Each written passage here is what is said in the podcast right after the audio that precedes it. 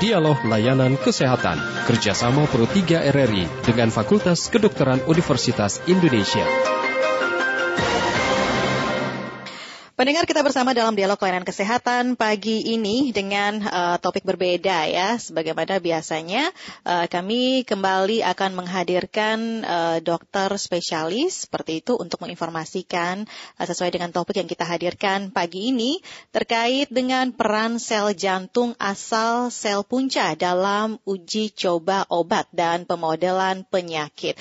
Dan uh, apa saja peran sel jantung asal sel punca ini pendengar manfaatnya dalam uji coba obat dan apa yang perlu diketahui oleh uh, masyarakat atau pasien pendengar. Kita akan membahasnya bersama dengan Dr. Puspita Anggraini Katili, MSc PhD dari Departemen Biokimia. Selamat pagi, Dok. Selamat pagi. Apa kabar, Dokter Puspita? Alhamdulillah baik. Baik ya. Oke, Dok, ini uh, kita mau membahas soal peran sel jantung asal sel punca begitu ya. Sel punca ini kalau uh, dalam pelajaran uh, masih sekolah dulu ya uh, stem cells ini ya seingat saya begitu. Uh, ini peran sel jantung asal sel punca dalam uji coba obat dan pemodelan penyakit ini uh, seberapa penting sih masyarakat atau pasien mengetahui uh, peran sel punca ini nih, Dok? Ya, uh, baik. Terima kasih. Jadi yang seperti kita ketahui bersama kan uh, penyakit jantung itu adalah penyebab utama kematian ya di seluruh dunia. Ya. Nah, selama ini kan, halo, kedengeran ya? Iya, kedengeran sekali dokter. Ya. Silahkan. Iya baik. Jadi kan selama ini terapinya masih bersifat paliatif, jadi memperbaiki kualitas hidup dan hmm. bukan kuratif yang menyembuhkan. Oke. Okay. Jadi kan orang begitu sudah kena penyakit jantung kan uh, tidak sembuh total ya. Jadi dia lebih untuk uh, mencegah terjadinya serangan berikutnya. Nah, sebenarnya jantung orang dewasa itu dia punya kemampuan untuk uh, memperbaiki uh, populasi sel uh, kardiomiosit yang mati setelah serangan jantung. Tapi masalahnya uh, sel yang bisa regeneratif ini dia tidak cukup. Jadi mm -hmm. tidak bisa menggantikan kehilangan sel yang mati. Nah, sehingga terbentuklah jaringan parut ya. Jaringan parut itu kan dia kaku. Jadi jantung itu kan tidak bisa berdetak normal lagi, fungsinya menurun sehingga komplikasinya sampai ke gagal jantung ya. Nah, untuk uh, mendevelop untuk membentuk obat baru ya, penelitian obat itu kan butuh uji toksikologi ya, ya untuk efek samping. Nah, itu kan melibatkan hewan dalam skala besar sehingga mahal, makan waktu. Nah, sedangkan hewan itu kan fungsi tubuhnya kan berbeda dengan manusia ya karena beda spesies. Hmm. Jadi penelitian pada hewan itu tidak bisa uh, prediksi secara tepat dari okay. efek samping obat begitu. Jadi kan industri farmasi beban ekonominya berat karena obat yang sudah di fase preklinik begitu dia maju ke fase klinik itu dia uh, banyak yang ditarik kembali karena efek toksik yang tidak bisa diprediksi pada model hewan. hewan nah okay. itu uh, efek kardiotoksik begitu. Nah, jadi kan uh, kalau penyakit jantung itu kan kita sudah tahu ya ada faktor genetik, ada gaya hidup ya yang berpengaruh. Tapi sebenarnya penyebab pastinya itu kita masih belum tahu sampai sekarang hmm. dan hmm, hmm. pasien-pasien itu kan jadi kita ini kan punya genetik yang berbeda-beda yeah. ya setiap orang. Nah, jadi mekanisme yang mendasari penyakit jantung mekanisme yang level molekuler, seluler itu berbeda, bisa berbeda setiap pasien. Nah, sehingga untuk uh, mendevelop uh, terapi baru itu kita perlu identifikasi mekanisme tersebut. Nah, oleh karena itu muncul kebutuhan uh, bagaimana caranya kita bisa mengembangkan uh, sistem di dalam lab ya in vitro yang sensitif, yang solid dan bisa relevan secara klinis. Nah, di sinilah makanya sel punca atau stem cell itu dia berperan dalam hmm. dunia kesehatan. Jadi sel punca itu kan macam-macam ya, ada sel punca yang dewasa, ada yang dari embrio, ada yang paling terbaru adalah sel punca yang uh, pluripoten terinduksi. Jadi kita modifikasi dari uh, bisa dari sel kulit, bisa dari sel darah yang mononuklear, bisa dari sel lainnya menjadi sel punca. Jadi kita program. Nah, ini kan jadi tidak ada masalah etis ya kalau embrio kan tidak bisa di dikembangkan di sini ya. Jadi yeah. kita bisa makanya sel punca yang pluripotent terinduksi itu yang ditemukan oleh Yamanaka. Nah ini menjadi primadona ya karena dia itu uh, kemampuannya bisa memperbanyak diri tanpa yeah. batas dan dia bisa menjadi hampir semua sel. Jadi dari sel punca itu bisa jadi sel mata, bisa sel rambut, sel hmm. jantung, paru, bisa semuanya kecuali plasenta ya. Okay. Jadi sel jantung itu kardiomiosit itu salah satu hasil uh, sel punca yang sering diteliti. Okay. Nah, jadi kita menggunakan sel kardiomiosit asal sel punca tadi itu teknologinya bermanfaat untuk uji coba obat dan pemodelan penyakit. Kenapa? Karena dia lebih uh, merepresentasikan uh, fungsi tubuh manusia dibandingkan hmm. dengan model, model hewan, hewan kan. Tadi ya. Kalau model hewan kan biasanya tikus, mencit, biasanya ya kelinci. Nah, itu kan tikus itu dia detak jantungnya jauh lebih uh, cepat dibandingkan dengan manusia. Okay, Jadi kan uh, untuk melihat efek obat kan jadinya tidak sama yeah. dong karena mm -hmm. beda. Dan kalau misalnya yang lebih mendekati misalnya simpanse, monyet, yeah. itu kan uh, apa ya? tidak bisa dilakukan sebanyak mencit kan kalau mencit kan mungkin jumlahnya banyak kita bisa kembang biakan tapi kalau simpan semonyet itu kan uh, ada etisnya juga ya, karena binatangnya juga lebih besar, biayanya hmm. lebih besar begitu. Baik. Lalu nah, dok, jadi, uh, kalau dari uji coba dengan uh, sel punca kardio tadi begitu ya, uh, yang ada di jantung, nah ini uh, gimana sejauh ini hasilnya ini efektivitas uh, efektifnya gimana ini? Nah, kita jadi uh, sebenarnya si kardiomyosit asal sepunca ini kita sudah uh, lumayan banyak ya penelitiannya. Nah, jadi dia itu sudah sampai uh, mengantarkan kan ada fase obat itu ada yang preklinik ya, preklinik kemudian klinik. Klinik itu kan ada fase 1 2 3 4 ya. Nah, itu sampai saat ini dia sudah bisa dari preklinik ke fase 1. Jadi fase 1 klinis itu yang pasiennya dia itu orang sehat, yeah. kemudian uh, jumlahnya biasanya sampai 100 ya. Dan itu uh, masih sederhana, masih sederhana lah. Tapi maksudnya dia itu sudah bisa uh, uh, apa namanya memprediksi obat yang tadinya itu uh, ada yang ditolak uh, tapi sebenarnya bisa. Hmm. Kan uh, kalau hewan itu ada yang uh, apa ya istilahnya false positif dan false negatif. Yeah. Ya, jadi ada obat yang ditolak tapi sebenarnya bermanfaat, ada obat hmm. yang bermanfaat tapi ternyata tidak bisa di tidak manusia. Bisa. Okay. Nah, itu kardiomyosit itu bisa begitu untuk memprediksi hal tersebut. Uh, nah, jadi selain itu uh, kardiomyosit ini sudah bisa digunakan dalam uji toksik untuk kosmetik. Kosmetik itu kan industri besar ya. Dan selama ini kan menggunakan hewan. Nah, sudah mulai digunakan kardiomyosit untuk menggantikan hewan.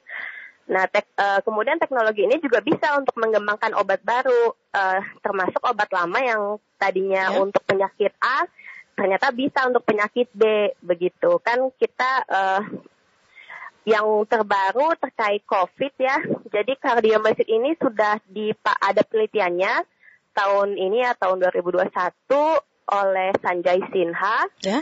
Nah, itu dia bisa uh, mendeteksi protein yang uh, diekspresi yang uh, berhubungan dengan uh, virus COVID ini begitu. Jadi dia bisa uh, tahu proteinnya apa, tahu reseptornya apa. Jadi kita bisa kembangkan inhibitor yang akhirnya berujung pada uh, develop obat baru gitu untuk Jadi, COVID. Jadi uh, bukan hanya untuk obat jantung saja begitu ya dok ya? Iya bisa macam-macam juga gitu. Hmm. Karena kan uh, COVID itu kan kalau ada komorbid jantung kan dia ke apa uh, kemungkinan meninggalnya kan lebih, lebih besar, besar ya. ya. Hmm. Nah salah satunya itu jadi kardiomyosit yang uh, dikembangkan di lab itu dia bisa mendeteksi protein uh, yang terkait pada infeksi COVID. Gitu. Oke, okay. dok ini uh, kita undang pendengar juga untuk bergabung bersama kita ya dok ya. ya. Ini sudah ya, ada silakan. Pak Udin di Boyolali. Assalamualaikum Pak Udin. Selamat siang, Waalaikumsalam warahmatullahi wabarakatuh. Iya. Uh, Ibu Karolin, salam sehat semangat. Salam sehat semangat juga uh, Pak Udin. Ma Ibu siapa? Dokter Puspita, Departemen Biokimia. Ya. Iya. Apa definisi uh, serangan jantung habis itu kalau orang kena serangan jantung tuh di dadanya tuh rasanya tuh apa Bu? Demikian terima kasih. Assalamualaikum warahmatullahi wabarakatuh. Baik, terima kasih do, uh, Pak Udin ya di Boyolali. Ya. Ini ciri-ciri kena serangan jantung begitu ya? Iya. Ya, jadi uh, biasanya ya kalau ada serangan jantung itu dia uh, menjalar begitu Pak. Jadi uh, kalau orang serangan jantung itu dia ada di sisi sebelah kiri ya. Kemudian tapi dia itu menjalar, ada yang ke rahang, ada yang ke tangan, ada yang ke punggung dan dia itu biasanya disertai dengan keringat dingin begitu. Jadi sifatnya mendadak dan itu rasanya nyeri sekali dan pada serangan jantung ini uh, biasanya kan uh, karena aterosklerosis ya aterosklerosis jadi ya. ada plak ada plak di pembuluh darah. Nah plak itu bisa karena dari kolesterol bisa dari lemak bisa dari fibrin ya. Nah itu plak itu kan uh, menghambat aliran darah ya. Jadi kan uh, pada jantung itu jadinya ada area yang mati begitu Oke, baik. Ya. Itu untuk Pak Udin. Lalu kita ketarakan juga nih dok, ada Pak Samiun di sana. Assalamualaikum Pak Samiun. Waalaikumsalam warahmatullahi wabarakatuh. Selamat siang Tarakan, selamat pagi Jakarta. Iya, selamat pagi Tarakan. Ya, dengan kita dengan uh, dokter kita pagi ini ya Pak Samiun bersama dengan iya. dokter Puspita. Oh ya, dokter Puspita, saya mau nanya ini. Saya sering dengar istilah jantung bocor nih. Karena uh, saya punya keponakan pernah ya jantung bocor di operasi ke Surabaya karena di sini nggak ada fasilitasnya gitu. Jadi kalau istilahnya jantung bocor ini apa penyebabnya dokter? Terima kasih itu aja. Selamat siang. Baik, terima kasih Pak Samiun. Bisa langsung ditanggapi ini uh, Dokter Puspita.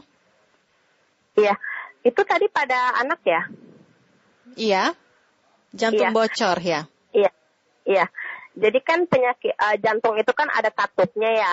Ada ada empat ruangan dalam jantung. Ada atrium kanan, atrium kiri, ventrikel kanan kiri. Itu kan eh, masing-masing ruangan itu ada katupnya. Nah di katupnya itu kalau pada anak itu ya, jadi dari bayi itu ada yang tidak menutup uh, ada yang uh, tidak menutup sempurna begitu. Jadi ada bagian yang uh, harusnya e, menutup tapi tidak. Nah itu makanya istilahnya bocor begitu mm -hmm. Pak. Jadi aliran darahnya e, apa ya terlalu lowong begitu Pak. Oke, lalu dok ini kita kembali lagi ke uh, fungsi sel punca tadi begitu ya di awal juga dokter sudah sampaikan bahwa selama ini kalau penyakit jantung itu uh, kebanyakan untuk penanganannya lebih kulatif begitu ya daripada kuratif. Nah untuk uh, pengobatan seperti itu. Nah kalau dari uh, ini ya pembahasan kita pagi ini uji coba obat dan pemodelan penyakit dari per, uh, sel punca tadi. Nah, seperti itu. Ini sudah ada uji coba uh, juga begitu untuk pengobatan khusus untuk jantung begitu ya, uh, Dok. Iya, jadi sebenarnya uh, pertama itu kan kita perlu tahu ya apakah kardiomyosit itu dia uh, bisa benar-benar merepresentasikan untuk uh, uji obat atau tidak, hmm. memprediksi efeknya. Jadi uh, yang kita analisis selama ini memang uh, bisa ya bisa merepresentasikan itu. Jadi mm -hmm. uh, biasanya itu contohnya adalah uh, yang terkenal itu obat anti kanker ya, doxorubicin. Itu mm -hmm. kan uh, obat yang pada penggunaan jangka panjang itu dia uh, sifatnya kardiotoksik ya. Nah, jadi si kardiomyosin itu dia bisa mendeteksi efek tersebut dari dokter Rubisin ini begitu. Jadi baru kanker saja begitu ya yang uh, sudah terbukti? Oh bukan, um, maksud saya itu contohnya ya, contoh, contoh oh, yang iya. terkenalnya, iya. Okay. Tapi dia bisa untuk berbagai obat gitu. Hmm. Uh, salah satu contoh lainnya itu untuk uh, apa namanya penyakit long QT syndrome itu kan kalau di EKG itu kan ada gelombang PQ PQRST ya. Nah itu uh, salah satu penyakit yang penyakit yang terkait kanal ion itu long QT itu dia sudah bisa mendevelop obat untuk itu. Nah dia juga karena menggunakan teknologi sekarang kan ada gene editing ya CRISPR-Cas9 untuk uh, editing gen. Nah si cardiomyocyte ini dia bisa uh, dibuat ada mutasi mutasi mm -hmm. gen yang sama dengan pasien tersebut ya sehingga kita bisa meneliti penyakit-penyakit terkait genetik begitu dan uh, contohnya itu kardiomiopati kan ada genetiknya ya, ada yang bersifat struktur, ada yang metabolik, dan gagal jantung juga bisa begitu. Jadi sudah ada model-model penyakit yang bisa diteliti menggunakan kardiomyosit ini begitu. Baik, tapi sebenarnya ada efek samping juga nggak sih dari uh, pemanfaatan sel ini nih dok? Kalau dari uji klinis yang dilakukan, uji coba yang dilakukan seperti itu.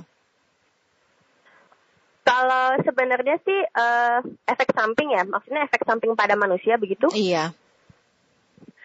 Uh, kalau untuk langsung di uji coba pada dalam tubuh manusia itu uh, sampai saat ini uh, belum ada ya. Mm-hmm. Jadi uh, selama ini kan uh, karena di luar begitu uh, itu jadi itu untuk uji coba obat itu kita lakukan di lab di lab hmm, begitu yeah. ya di lab lalu kita uh, masukkan injeksi uh, kita masukkan si obat itu begitu jadi maksudnya bukan dalam tubuh manusia yeah. jadi yang untuk uh, fase klinisnya itu adalah ya obatnya, obatnya yang hmm. diuji ke uh, manusianya, bukan kardiomiositnya ya. Baik. Gitu. Oke okay, iya. dok. Ya ini uh, biar di, lebih dipahami juga ya oleh pendengar yeah. kita seperti tidak biar tidak yeah. salah uh, persepsi yeah. seperti itu ya. Yeah. Dan mungkin bisa ditegaskan kembali ini dok uh, dari uh, topik pembahasan kita ini ya. Uh, peran sel jantung asal sel punca dalam uji coba obat dan pemodelan penyakit ini. Uh, sekali lagi manfaatnya untuk masyarakat bisa disampaikan kembali uh, supaya lebih dipahami seperti itu. Iya. Jadi sampai saat ini ya penelitian untuk kardiomesis ini dia lebih uh, bersifat sebagai screening ya. Untuk saat ini lebih screening obat-obat yang tadinya ditolak atau obat-obat yang tadinya uh, bermanfaat tapi ternyata berbahaya begitu. Nah itu si kardiomesis uh, bisa membantu untuk uh, proses ulang obat mana yang sebenarnya bisa lolos uh, uji fase klinis tersebut. Hmm. Karena selama ini kan uh, kita ketahui memakai model hewan, sedangkan hewan itu kan berbeda ya dengan manusia sehingga uh, tidak bisa merepresentasikan fungsi tubuh manusia begitu. Baik. Nah, kemudian untuk salah satu fungsi lainnya adalah kita bisa tahu uh, proses uh, perjalanan penyakit begitu yang saya sebutkan tadi yeah. yaitu uh, penyakit kardiomiopati uh, yang tadi long QT syndrome dan uh, gagal jantung. Nah, itu sudah uh, mulai digunakan kardiomiopati untuk uh, menjadi model. Jadi dia itu sebagai model mm-hmm. di dalam lab kita bisa tahu uh, uh, ekspresi gen yang terkait, ekspresi protein. Jadi kita tahu uh, apa untuk uh, mengembangkan obat juga intinya begitu. Baik, dan terapi. Mm -hmm. Ya.